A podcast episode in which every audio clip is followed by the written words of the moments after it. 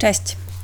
Dzisiaj mam dla Was fajną historię. Naprawdę jest bardzo atrakcyjna, ale zanim ją zacznę, chciałam Wam wspomnieć, że mm, będzie to historia o ostatniej miłości Zygmunta Augusta, którego pierwszą wielką miłością, choć nie pierwszą żoną, była Barbara Radziwiłłówna, o której już jest inny podcast. I co prawda, żeby wysłuchać tej opowieści, którą mam dla Was dzisiaj, nie trzeba nic wiedzieć o Barbarze Radziwiłłównie, przynajmniej nie więcej niż powiem w tym podcaście, ale myślę, że obraz epoki i króla będzie dużo pełniejszy i ciekawszy, jeśli najpierw przesłuchacie e, tamtego podcastu. Ja go zalinkuję pod spodem.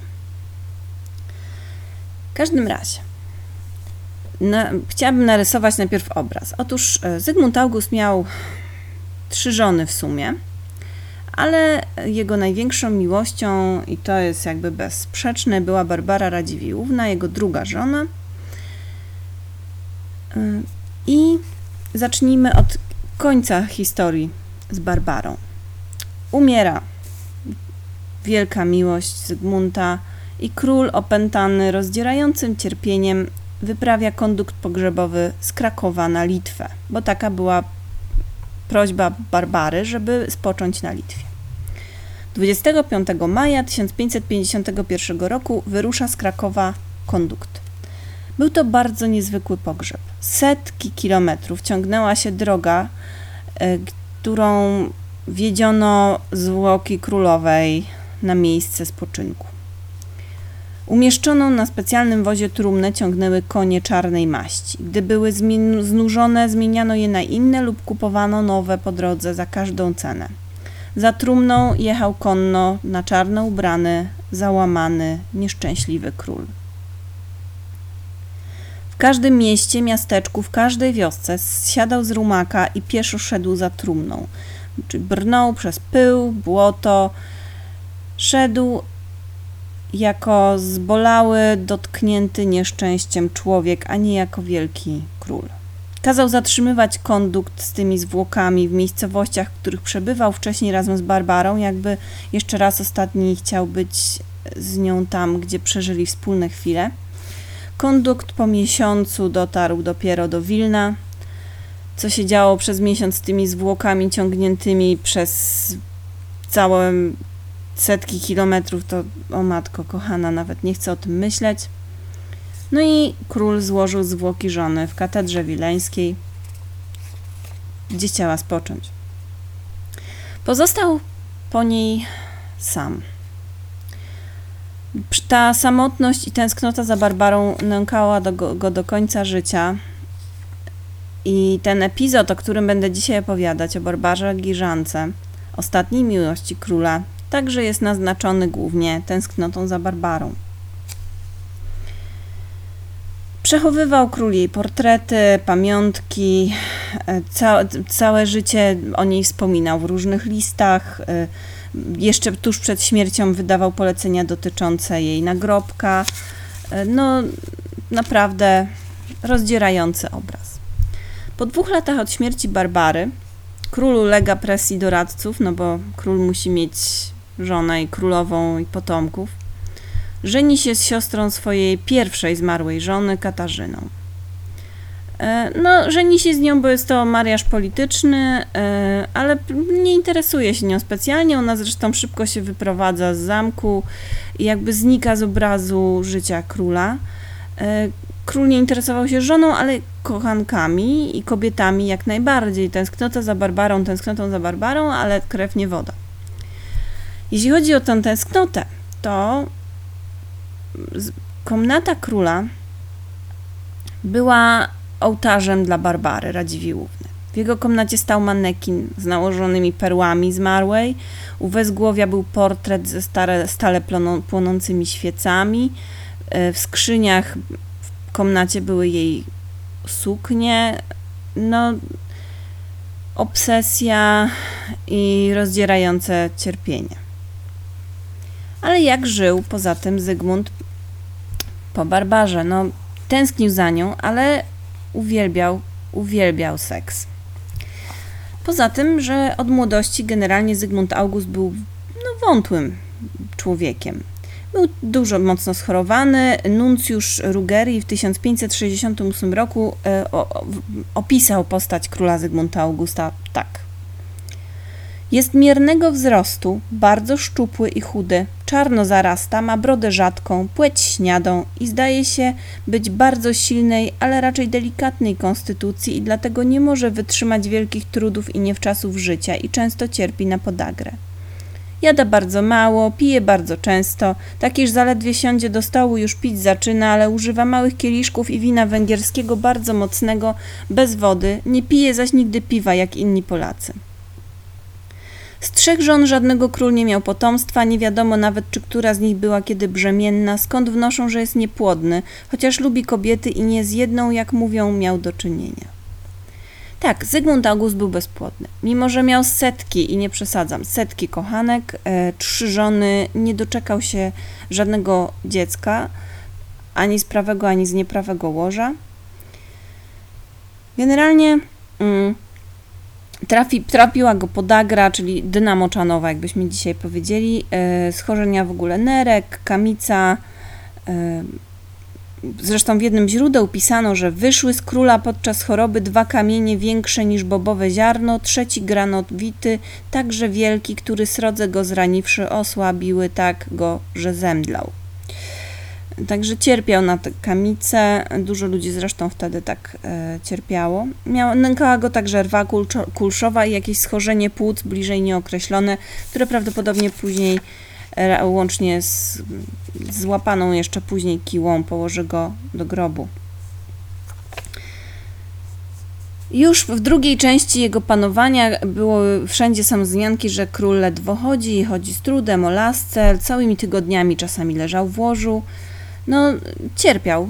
Przez połowę życia był bardzo, bardzo chory. Zygmunt August miał w życiu poza tym trzy namiętności. Otóż były to konie, klejnoty i kobiety.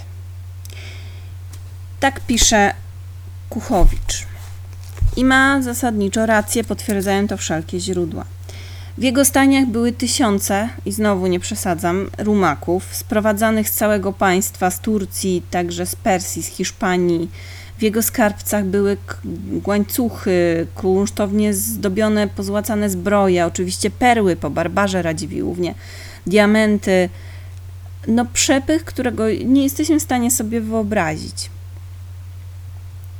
Cudzoziemscy dyplomaci powiadali, że takich skarbów nie posiadał ani papież, ani nawet bardzo bogata Republika Wenecka.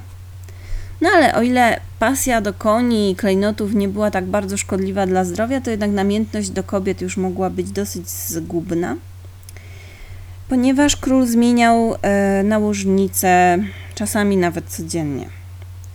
Na dodatek ta życie seksualne było dla niego tak ważne, że kiedy czuł, że odrobinę mu spada kondycja, przypominamy, że on był bardzo chory, tak? To wzmacniał się napojami miłosnymi, w którym Bóg wie co było i one również go czasami e, no prawdopodobnie dobijały.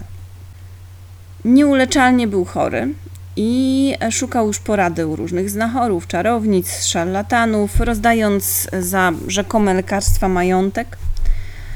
E, a I sowicie także wynagradzał e, nie tylko tych no, szarlatanów, ale także kobiety. Opłacał miłośnice jeszcze hojniej niż znachorki, otaczał je przepychem, dawał im tysiące złotych, co wówczas było bardzo, bardzo olbrzymimi kwotami, klejnoty, szaty, nałożnicom królewskim serwowano wino, co także stanowiło w tamtych latach zbytek, a niektórym tym najbardziej oddanym dawał nawet całe wsie. Nie, nie myślcie, że Zygmunt August kogoś do kogo czegokolwiek przymuszał. Tutaj źródła są jasne. On był bardzo w stosunku do kobiet pobłażliwy, ale także szarmancki. Nigdy z żadną nie obrażał się, jeśli mu ktoś odmówił. Nie, nie robił sobie problemów, jeśli któraś z kobiet wypowiadała się o nim nawet publicznie w sposób nieprzychylny. Machał na to ręką. W każdym razie mm, nie posiadał także uprzedzeń klasowych. Nie musiał sypiać ze szlachciankami. Właściwie sypiał z każdą kobietą, która była chętna. Były i szlachcianki, i mieszczki, a nawet i chłopki. E, król e, chętnie rozsypywał złoto, kobiety chętnie przychodziły. E, no, taki miał trochę haremik. Kochanek rzeczywiście nie ściągano do króla siłą. Tutaj jest sytuacja bardzo klarowna. I Barbara Giżanka pojawia się pod koniec życia króla, że tak powiem, na horyzoncie, ale kim ona była? Urodziła się około 1550 roku jako córka Jana Gizy i matki Anny. Ojciec był w ogóle zręcznym kupcem, dorobił się znacznego majątku i był nawet przez jakiś czas burmistrzem Warszawy, czyli był znaną postacią w Warszawie. E, Giżanka wiemy także, że umiała czytać, co także jak na kobietę wtedy nie było wcale taką powszechną umiejętnością. Wiadomo także, że rodzice mieli spore trudności wychowawcze z Barbarą. Pisze się o niej, iż była trudna do prowadzenia. Chodziło prawdopodobnie o to, że Barbara od wczesnych lat miała pewną słabość do płci męskiej. No lubiła te sprawy, no co poradzisz, kobieta taka była nowoczesna. Trudno dziś dociec oczywiście, czy to właśnie ta skłonność sprawiła, że rodzice oddali ją na wychowanie do sióstr Bernardynek w Warszawie. Być może się bali, że e, panna z dobrego domu e, szybciutko zajdzie w jakąś niechcianą ciążę i będzie skandal. Może myśleli, że e, zakonnice panienkę przypilnują, o jakże się mylili. W krótkim czasie Giżanka trafiła z klasztoru do pokoi królewskich, bo król wtedy rezydował chwilowo w Warszawie e, i nie trzeba było do tego żadnego gwałtu czy porwania. Plotka głosi taka, że Mikołaj Mniszech to jest w ogóle czarna postać, zasługuje trochę na osobny podcast, ale nie będziemy mu teraz poświęcać czasu. Podobno w przebraniu zakonnicy przedostał się do klasztoru i tam nawiązał z panną kontakt, e, chociaż się później z tego, tej opowieści e, wypierał. Ale dlaczego ten kontakt nawiązał? Otóż Mikołaj i Jerzy Mniszchowie byli bardzo ambitni. Odkryli podobieństwo córki burmistrza do Barbary Radziwiłłówny. Zresztą córka burmistrza także miała na imię Barbara, to ułatwia życie. Przynajmniej się królowie imiona nie będą myliły. I ich diaboliczny plan zakładał, że powtórzą sukces Radziwiłłów. Otóż Barbara Radziwiłłówna wyniosła ród Radziwiłłów na stulecia później. Oczywiście oni tego jeszcze nie wiedzieli, nie wiedzieli że na stulecia, ale wtedy na salony, bo Radziwiłłowie przed czasami Barbary nie byli szczególnie znanym rodem. I Mniszchowie postanowili, że oni też tak chcą, więc pot potrzebują, żeby ktoś od nich, bądź ktoś pod ich wpływem e, trafił do serca króla.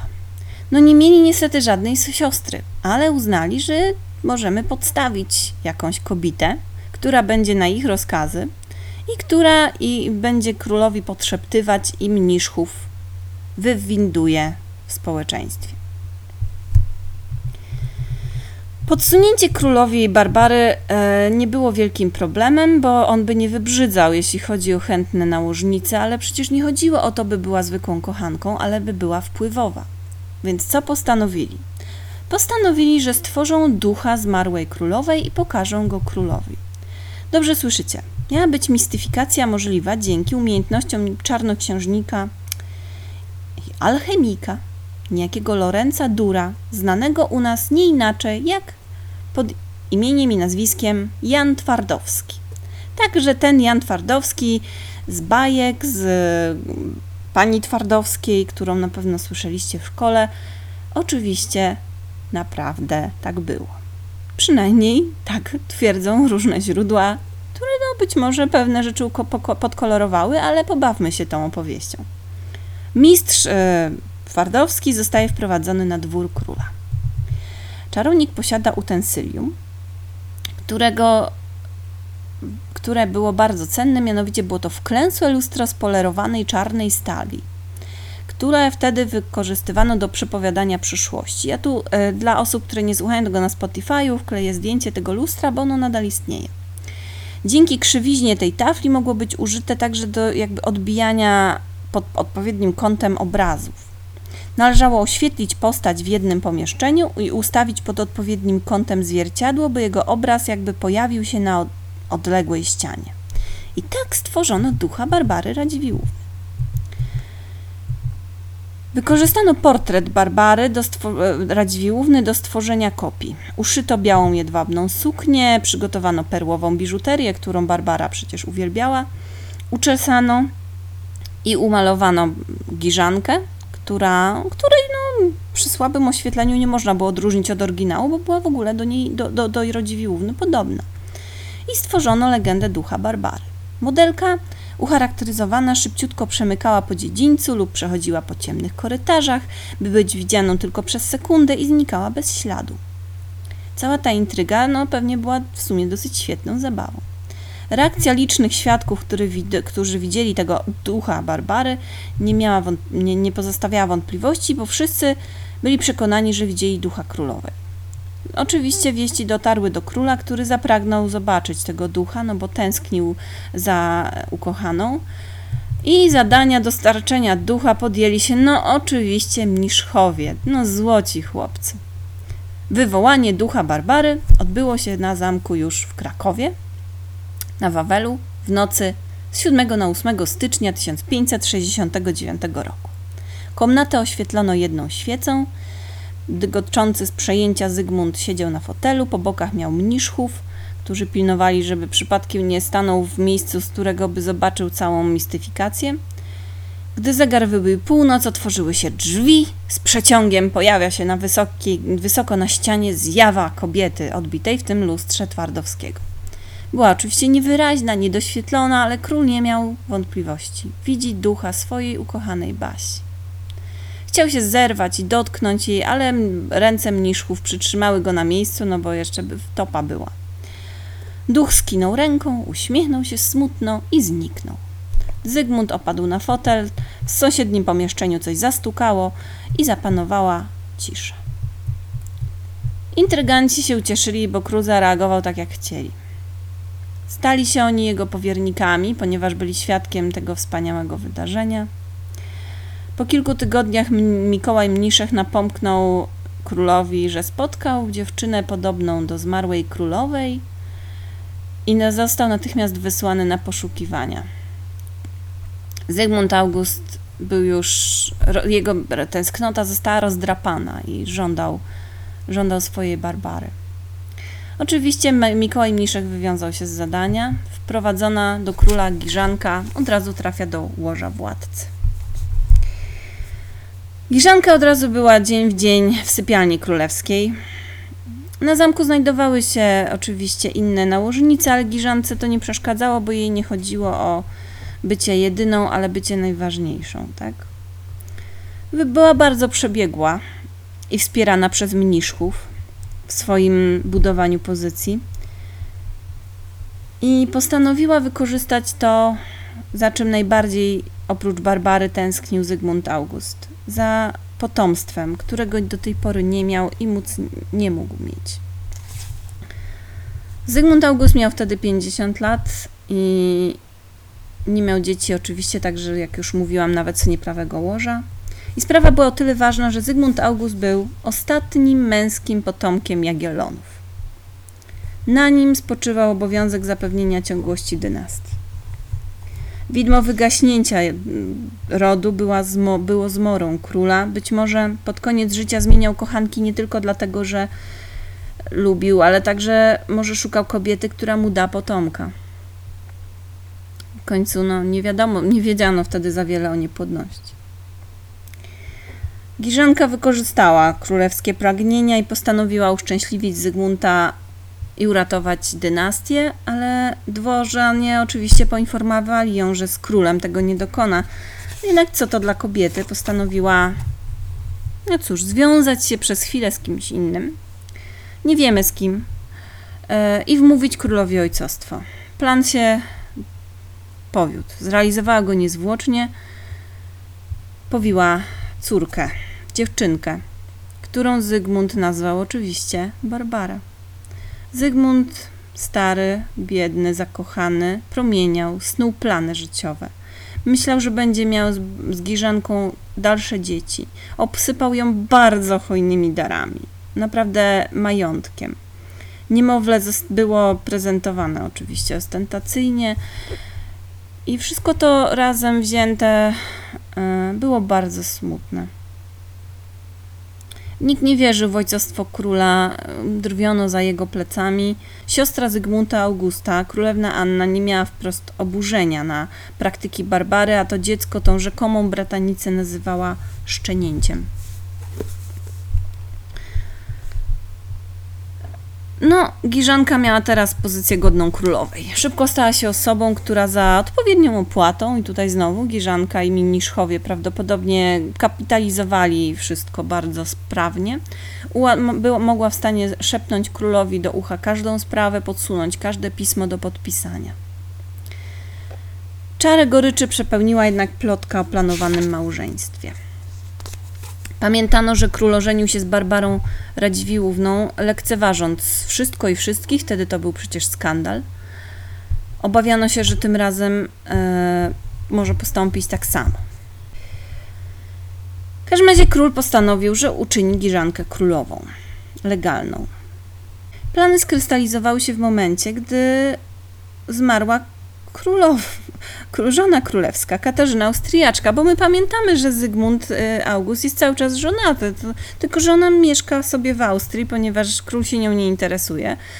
E, ma swoje kochanki, ma swoje życie, a, że tak powiem, Katarzyna Austriaczka była mariażem wyłącznie politycznym. Król na pogrzebie swojej żony w 1572 roku nawet płakał. E, Ironicznie pamiętnikarze mówili, no, że bardzo udał się królowi płacz, ładnie zainscenizował cierpienie. W istocie jednak promieniał. Zaczął się gotować do ślubu, był już co prawda ciężko chory i e, nie mógł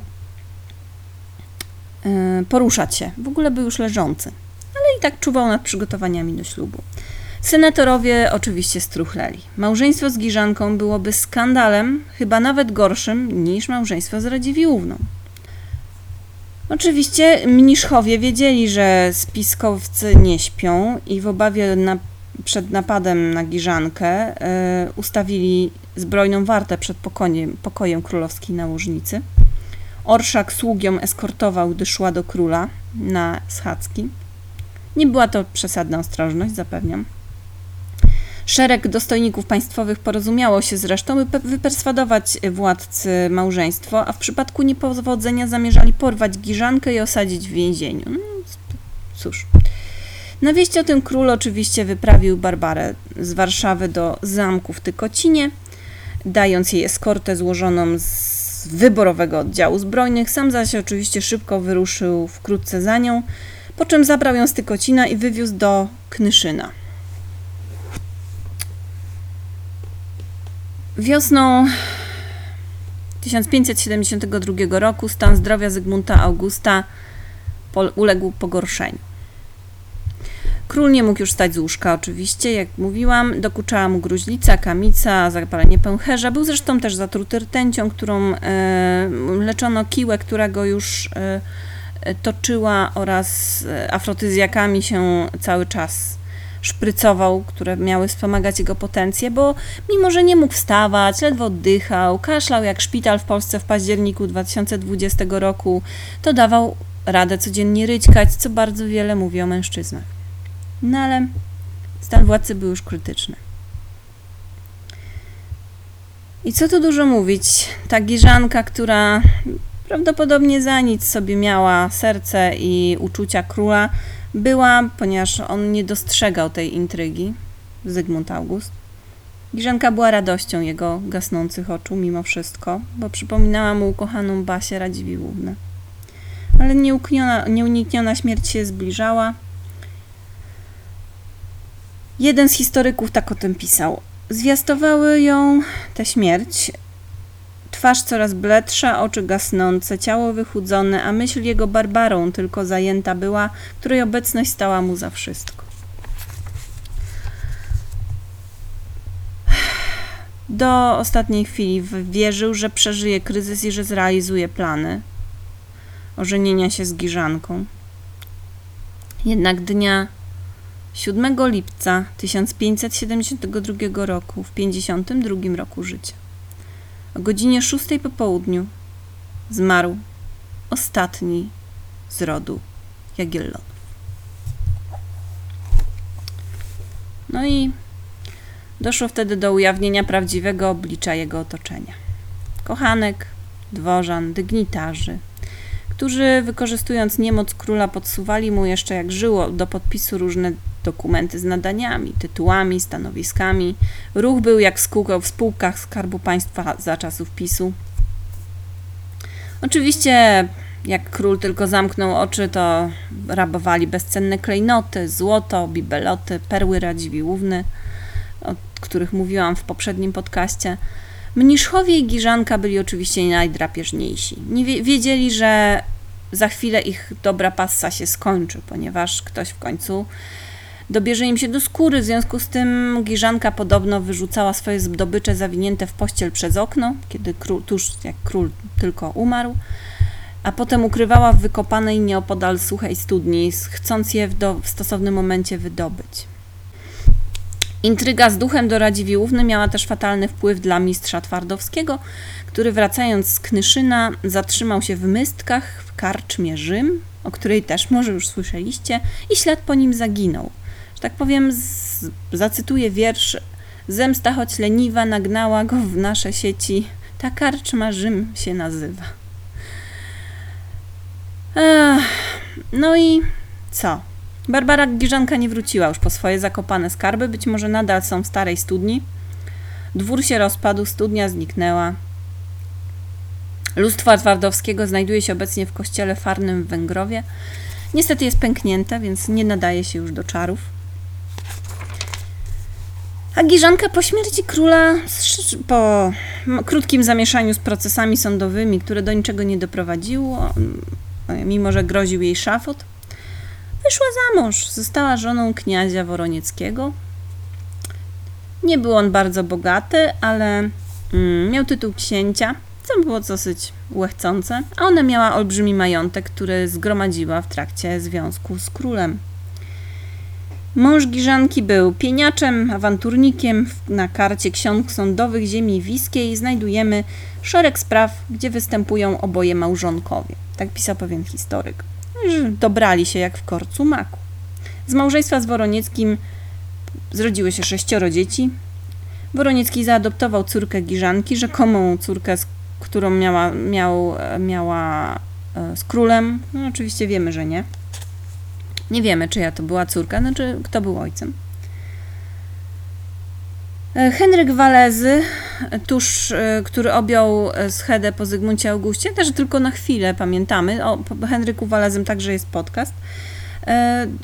Za inspiracją dworzan, który, którzy znali sytuację, odebrał nadane dożywotnio Giżance przez Zygmunta Augusta dobra, no ale jakby pozostały jej nadal klejnoty i żywa gotówka, także nie martwmy się o jej los. Żyła dostatnio do końca życia. Giżenka zmarła w 1589 roku, 17 lat po śmierci Zygmunta Augusta. Pozostając, no nie możemy temu zaprzeczyć, jego ostatnią miłością. Nieodwzajemnioną, ale był już stary, schorowany i on tego chyba po prostu nie widział. Widząc w niej po prostu zmarłą Basię Radziwiłłównę, jego jedyną, największą, obsesyjną miłość. Do usłyszenia.